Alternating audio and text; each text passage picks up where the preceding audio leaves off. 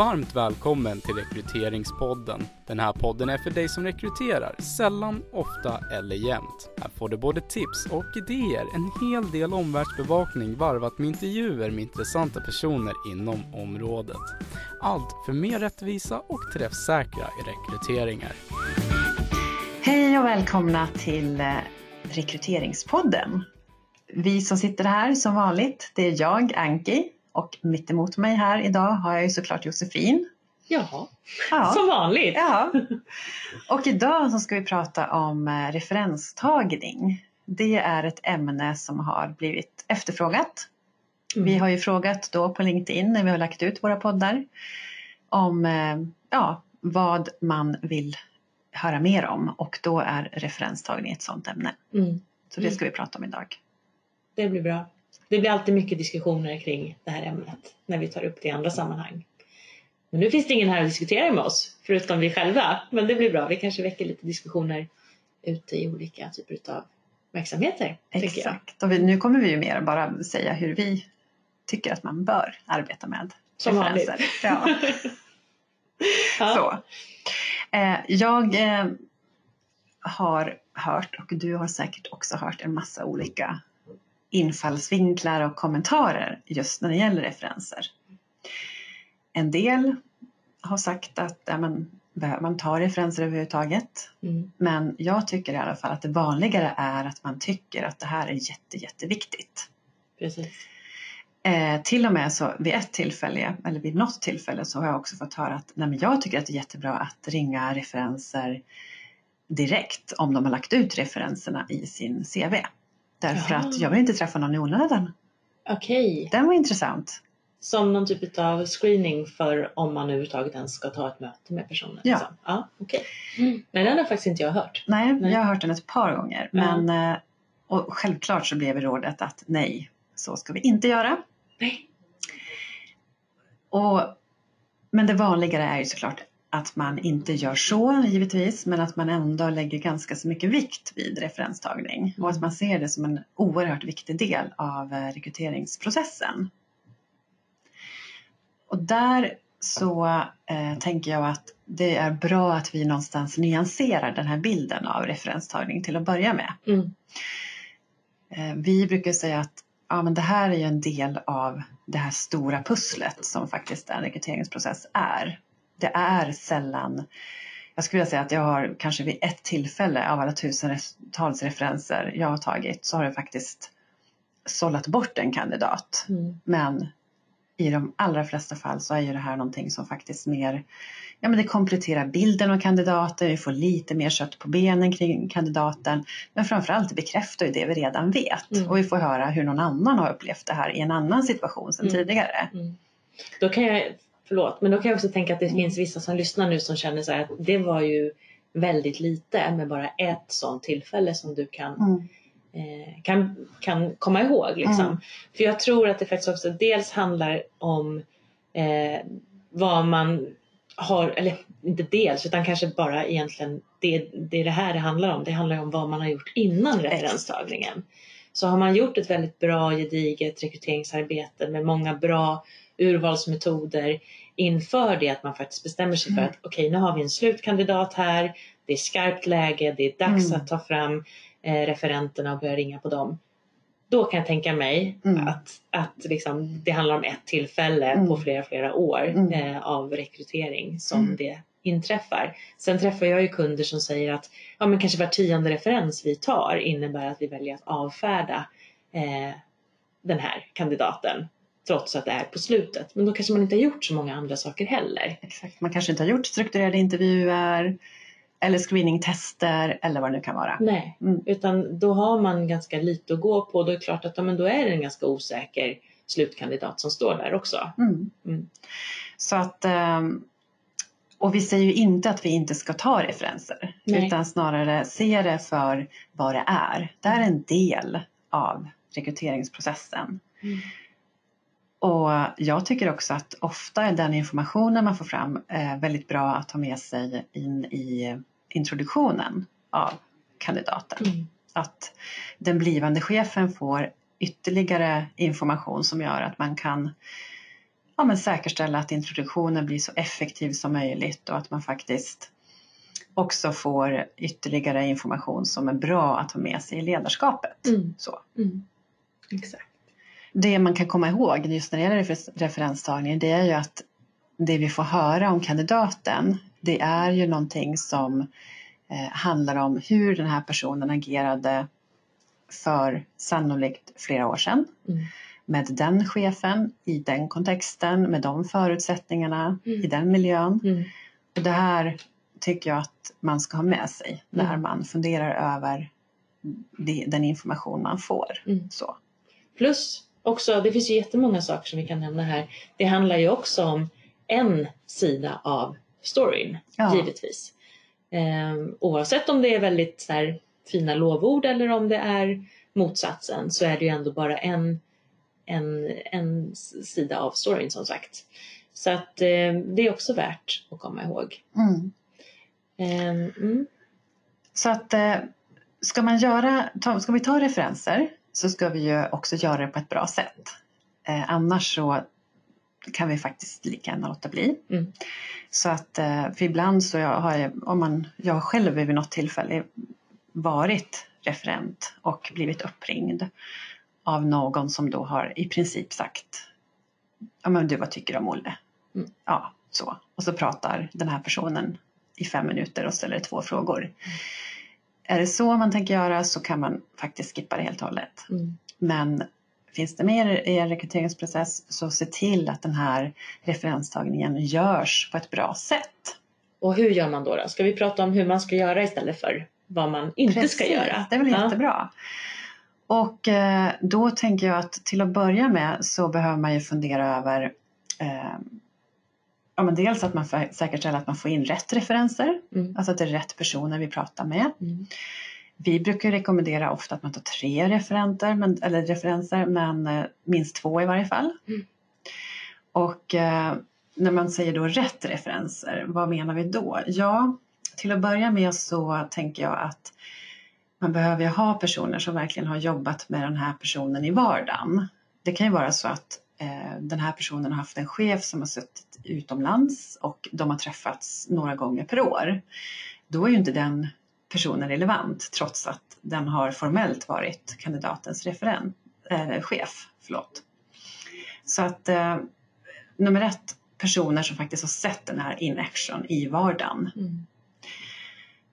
Eh, Ibland så brukar jag få höra att ja, men jag får ju bara eh, referenspersoner som faktiskt såklart är positiva till den här personen. Ja, det, det känns ju givet att man anger dem som, Ja. som referenter. Ja. Och, men jag brukar säga det att ja, men man kan ju också eh, istället för att bara fråga och säga att okej, men kan du skicka mig två eller tre ref- referenser så kan man ju istället säga att jag skulle vilja prata med eh, den här chefen du hade i den rollen. Eh, eller jag skulle vilja prata med den kollegan som du jobbade tillsammans med i det här stora projektet som vi pratade om. Man kan alltså styra egentligen och, och faktiskt efterfråga specifika referenspersoner istället för att man bara låter kandidaten själv bestämma fullt ut. Så att eh, efterfråga specifika personer eh, som du ser är relevanta. Mm. Säkerställ också att de här eh, referenspersonerna inte arbetade med kandidaten för många, många, många år sedan. Det har hunnit hända för mycket då, utan det är bättre att det är de senaste åren, eh, en tidsrymd av några år egentligen, Mm. inte tio år. Då, då har det hunnit gå alldeles för lång tid och den här personen har utvecklats och är sannolikt inte samma person idag som den var för tio år sedan eller agerar inte fullt ut exakt på samma sätt som den Nej. gjorde då. Precis. Så att, att man lite kritisk och eh, säkerställer att man får relevanta personer att prata med helt enkelt. Mm. Sen så är det viktigt att vi också eh, bokar tid med de här referenterna. Att man säkerställer att den här personen har tiden att prata om kandidaten. Att man säger det att det här kommer ta minst en kvart, 20 minuter, kanske till och med längre. Mm. Och när passar det dig? Mm. Så att man förbereder referenstagningen precis som man förbereder en intervju Mm. faktiskt. Ja, precis. Och det där är ju också en fråga som vi får ibland. Hur lång tid tar ett referenssamtal? Och, eh, liksom, hur, lång tid måste man prata för att det ska vara värt någonting? Och där kan man väl säga som så att det handlar ju återigen om vad kravprofilen säger för någonting. Vi behöver ju gå igenom de sakerna som är relevanta för tjänsten och passa på, liksom, ta tillfället i akt att faktiskt be om exempel på beteenden som den här personen har uppvisat på jobbet. Här har vi ju möjlighet att prata med en person som har sett kandidaten in action. Eh, och ska man ta referenser då kan man lika gärna göra det ordentligt annars kan man som sagt eh, låta bli. Så mm. jag tänker att minst en kvart, kanske snarare 20, 25, 30 mm. minuter. Mm. Lite grann beroende Absolut. på. Och om man väljer att göra det här på enbart slutkandidat, vilket väl är vår generella rekommendation, då, då, då är ju den tiden väl investerad. Mm. Men då såklart inte att man tar referenser innan dess att man ens har bestämt sig för att man ska träffa personen. Men då känns det ju inte så, så smart kanske att prata en halvtimme med, Nej. med referenser. Verkligen. Så. Mm. så att förbered också, förbered också referenstagningsformuläret. Eh, och det är det du är inne på. Mm. Det vill säga titta på kravprofilen. Vad var det nu vi skulle faktiskt säkerställa? Jo, den här personen ska ju vara strukturerad och eh, resultatorienterad och kunna det här systemet på, ett, på en väldigt hög nivå till exempel. Och då är det det som ska finnas med också då i det här formuläret. Mm. Så att förbered eh, dig ordentligt och eh, sen när det väl ringer så eh, behöver man ju verkligen säkerställa också att, eh, att vi ställer, ja men precis som vi jobbar med intervjuer, att vi ställer samma frågor till alla, eller alla referenter. Mm. Eh, så att vi gör det strukturerat. Men att vi också ställer de här följdfrågorna så att vi, precis som under en intervju, eh, förstår hur agerade den här personen? och att vi får konkreta exempel på det. Någonting som vi inte ska, någonting som vi ser ganska ofta, det är ju att man har de här äh, skalorna 1 till 5 eller något liknande. På en skala 1 till 5, hur pass strukturerad bedömer du att den här personen är till exempel? Ja, mm. Nej, men det finns ju eh, flera anledningar till att det inte kanske är så himla bra. Dels för att eh, strukturerad kan vara precis vad som helst egentligen. Mm. Det handlar ju väldigt mycket om hur man definierar det. Eh, och att de här skalorna då, eh, när man ställer på, den, på, på, det viset, då får man ju sällan ett sämre betyg än tre. Mm. Eh, är min erfarenhet i alla fall. Mm. Snarare fyror och femmor rätt igenom. Eh, och det går väldigt snabbt. Jag förstår att man lockas av att ha den här liksom, eh, strukturen på sitt samtal. Okej, okay, nu går vi igenom de kompetenserna som är viktiga för den här tjänsten. Samarbetsorienterad, 1 till 5. Ja, och så vidare. Och så gör man så liksom. Så är det snabbt avbetat och man känner att man har gjort sitt jobb och så. För det är väl det som är utmaningen med referenstagningen. Eh, det finns mycket utmaningar med referenstagning men i alla fall det här att det ligger så i slutet. Man mm. är ju så nära liksom. Man vill bara göra klart. Och man vill bara höra att någon har sett och tyckt och känt precis samma sak som man själv har känt. Så vill man vara lite så här, eh, ja, lite taskig här så kan man väl säga att man överlåter sin egen magkänsla på någon annans magkänsla för en liten stund där i slutet och så låter man det vara det avgörande som bara ja, yes, jag visste väl det eller jag hade det på känn, det låter bra. Mm. Så. så de kan vi försöka undvika de här 1 till 5 graderingarna och istället då beskriva strukturerad är viktigt att man är i den här rollen och med det menar vi att man planerar sin egen tid, att man bryter ner eh, stora mål i delmål, att man kan hjälpa andra med struktur eller vad det nu är för någonting. Mm. Det här bör man ju ha i kravprofilen. Det bör ju redan finnas mm. där. Så att man nästan faktiskt läser till det som man har skrivit i kravprofilen för referenten. För först då kan ju referenten först och främst så här, har jag ens koll på om, eh, vad ska vi kalla personen? Kalle eh, kan det här? Eh, och i vilka situationer har jag sett Kalle faktiskt jobba strukturerat och sen också kan jag ge några exempel på hur han har gjort det då. Ja. Eller så kanske referenten landar i att vet du vad, jag kan inte svara på det mm. för jag har inte sett honom i den typen av stora projekt. Mm. Så. Bra. I slutet så brukar ju vi alltid ställa en fråga som handlar om att fånga upp saker som man kanske faktiskt eh, inte har Eh, ställt en specifik fråga kring. Mm. Och då kan man till exempel formulera sig som eh, någonting i stil med att nu så skulle jag också vilja kolla om det är någonting annat som vi har missat som kan vara bra för oss att känna till eftersom att vi är en potentiell arbetsgivare till den här kandidaten. Mm. Så att eh, den, den här referenten då får chansen att berätta om det är någonting annat som personen tycker är bra för oss att känna till helt enkelt. Mm. Så att eh, det om man tänker själva innehållet i eh, referenstagningen så är det ju väldigt mycket fokus på kravprofilen. Mm. Och att säkerställa att vi har fångat upp allting i den. Det är ju Mm. det absolut viktigaste. Vad ska vi mer säga då? Jag tänker på det här med till exempel juniora profiler eller juniora kandidater. Mm. Där brukar vi få en del frågor kring hur ska man göra då? Det kanske är så att man kanske inte ens knappt har någon referent att lämna ut för att man har inte jobbat förut. Eh, och ibland så kan det vara så att det kan finnas referenser när det handlar om sommarjobb eller liknande. Men eh, om det inte finns, eh, om man inte haft några jobb överhuvudtaget, ja men då är det ju så. Då får vi ju säkerställa att vi har, precis som vi var inne på tidigare, så är det viktigt att vi har en, en eh, process för övrigt där vi faktiskt kan göra en bra bedömning av den här juniora kandidaten. Eh, och eh, för övrigt när det gäller juniora kandidater, om vi har en rekrytering med, med ganska många juniora kandidater så handlar det om att vi behöver se över processen som helhet och säkerställa att vi kan faktiskt göra en bra bedömning utifrån att nej men de har ingen erfarenhet. Nej. Och då blir personlighetstester eller begå- och begåvningstester väldigt viktiga istället. Mm. Så att Mm. det är egentligen en större fråga.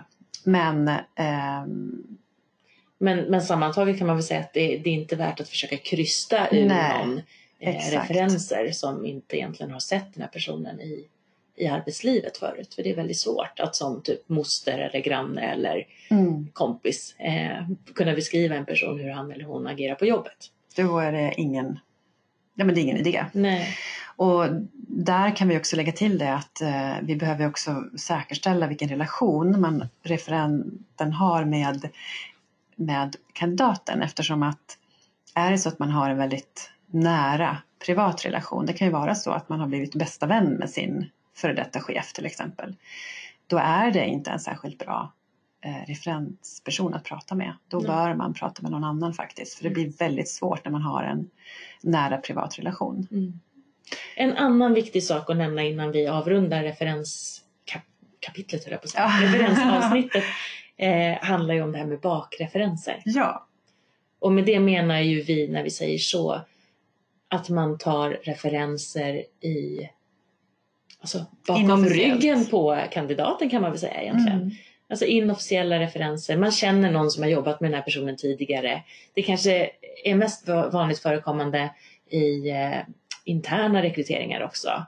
Att man, man tar reda på, man lyssnar runt lite grann. Hur funkar egentligen Kalle? Eh, det är ju någonting som vi avråder från Mm. och det bestämdaste egentligen. Och det handlar ju om eh, att ja, men det handlar om kandidatupplevelse och hur kul är det egentligen när det uppdagas, för det gör det ju, eh, att den här personen har eh, Nej men att, att man som, som rekryterande chef då har pratat med en person som man inte har talat om för kandidaten att man har gjort. Liksom. Det blir ju lite av en förtroendekris inledningsvis Mm. i ett samarbete sen. Så istället så kan man ju i det fall att man vet med sig om att jag känner faktiskt någon som har jobbat med Kalle sedan tidigare. Eh, säga det till honom. ja. Vet du vad? Jag känner Kajsa där du var på företag X. Är det okej att jag pratar med henne? Så är det inte längre en bakreferens och antagligen så är det okej också. Mm. Eller så är det inte det och är det inte det då finns det ju en anledning att prata om det också. Mm. Så. Bra. Mm. Då tror jag att vi är färdiga när det gäller referenstagning. Eller har du någonting annat? Jag vet inte. Jag tänker att det finns säkert mer att säga men jag kan inte komma på någonting just nu faktiskt. En men, sak som jag kom på nu. Det ja, är du att ser. eh, en person som eh, har jobbat länge på samma ställe. Ja. Där kan det ju dyka upp frågetecken kring vilka personer, ja men säg att eh, kandidaten har varit tio år på samma Mm. företag. Då kanske den personen har svårt att eh, lämna eh, en referens. Men oftast brukar det då finnas, om man frågar, ja men har du haft någon chef som har slutat eller någon nära kollega som har slutat eller någon kollega som du har jobbat eller som du jobbar nära, som du litar på, som Mm. du ändå kan uppge. Så att det brukar nästan alltid kunna hit, gå att hitta någon sån person Mm. även i de fallen. Bra, du ser, Ja. du kom på någonting. Det finns oändligt mycket att prata om kring, kring rekrytering och kring referenser också. Därmed. Det är det verkligen. Ja, men nu tror jag vi får nöja oss. Det får vi göra. Ja, Tack så mycket! tack Hej så mycket. Hej då!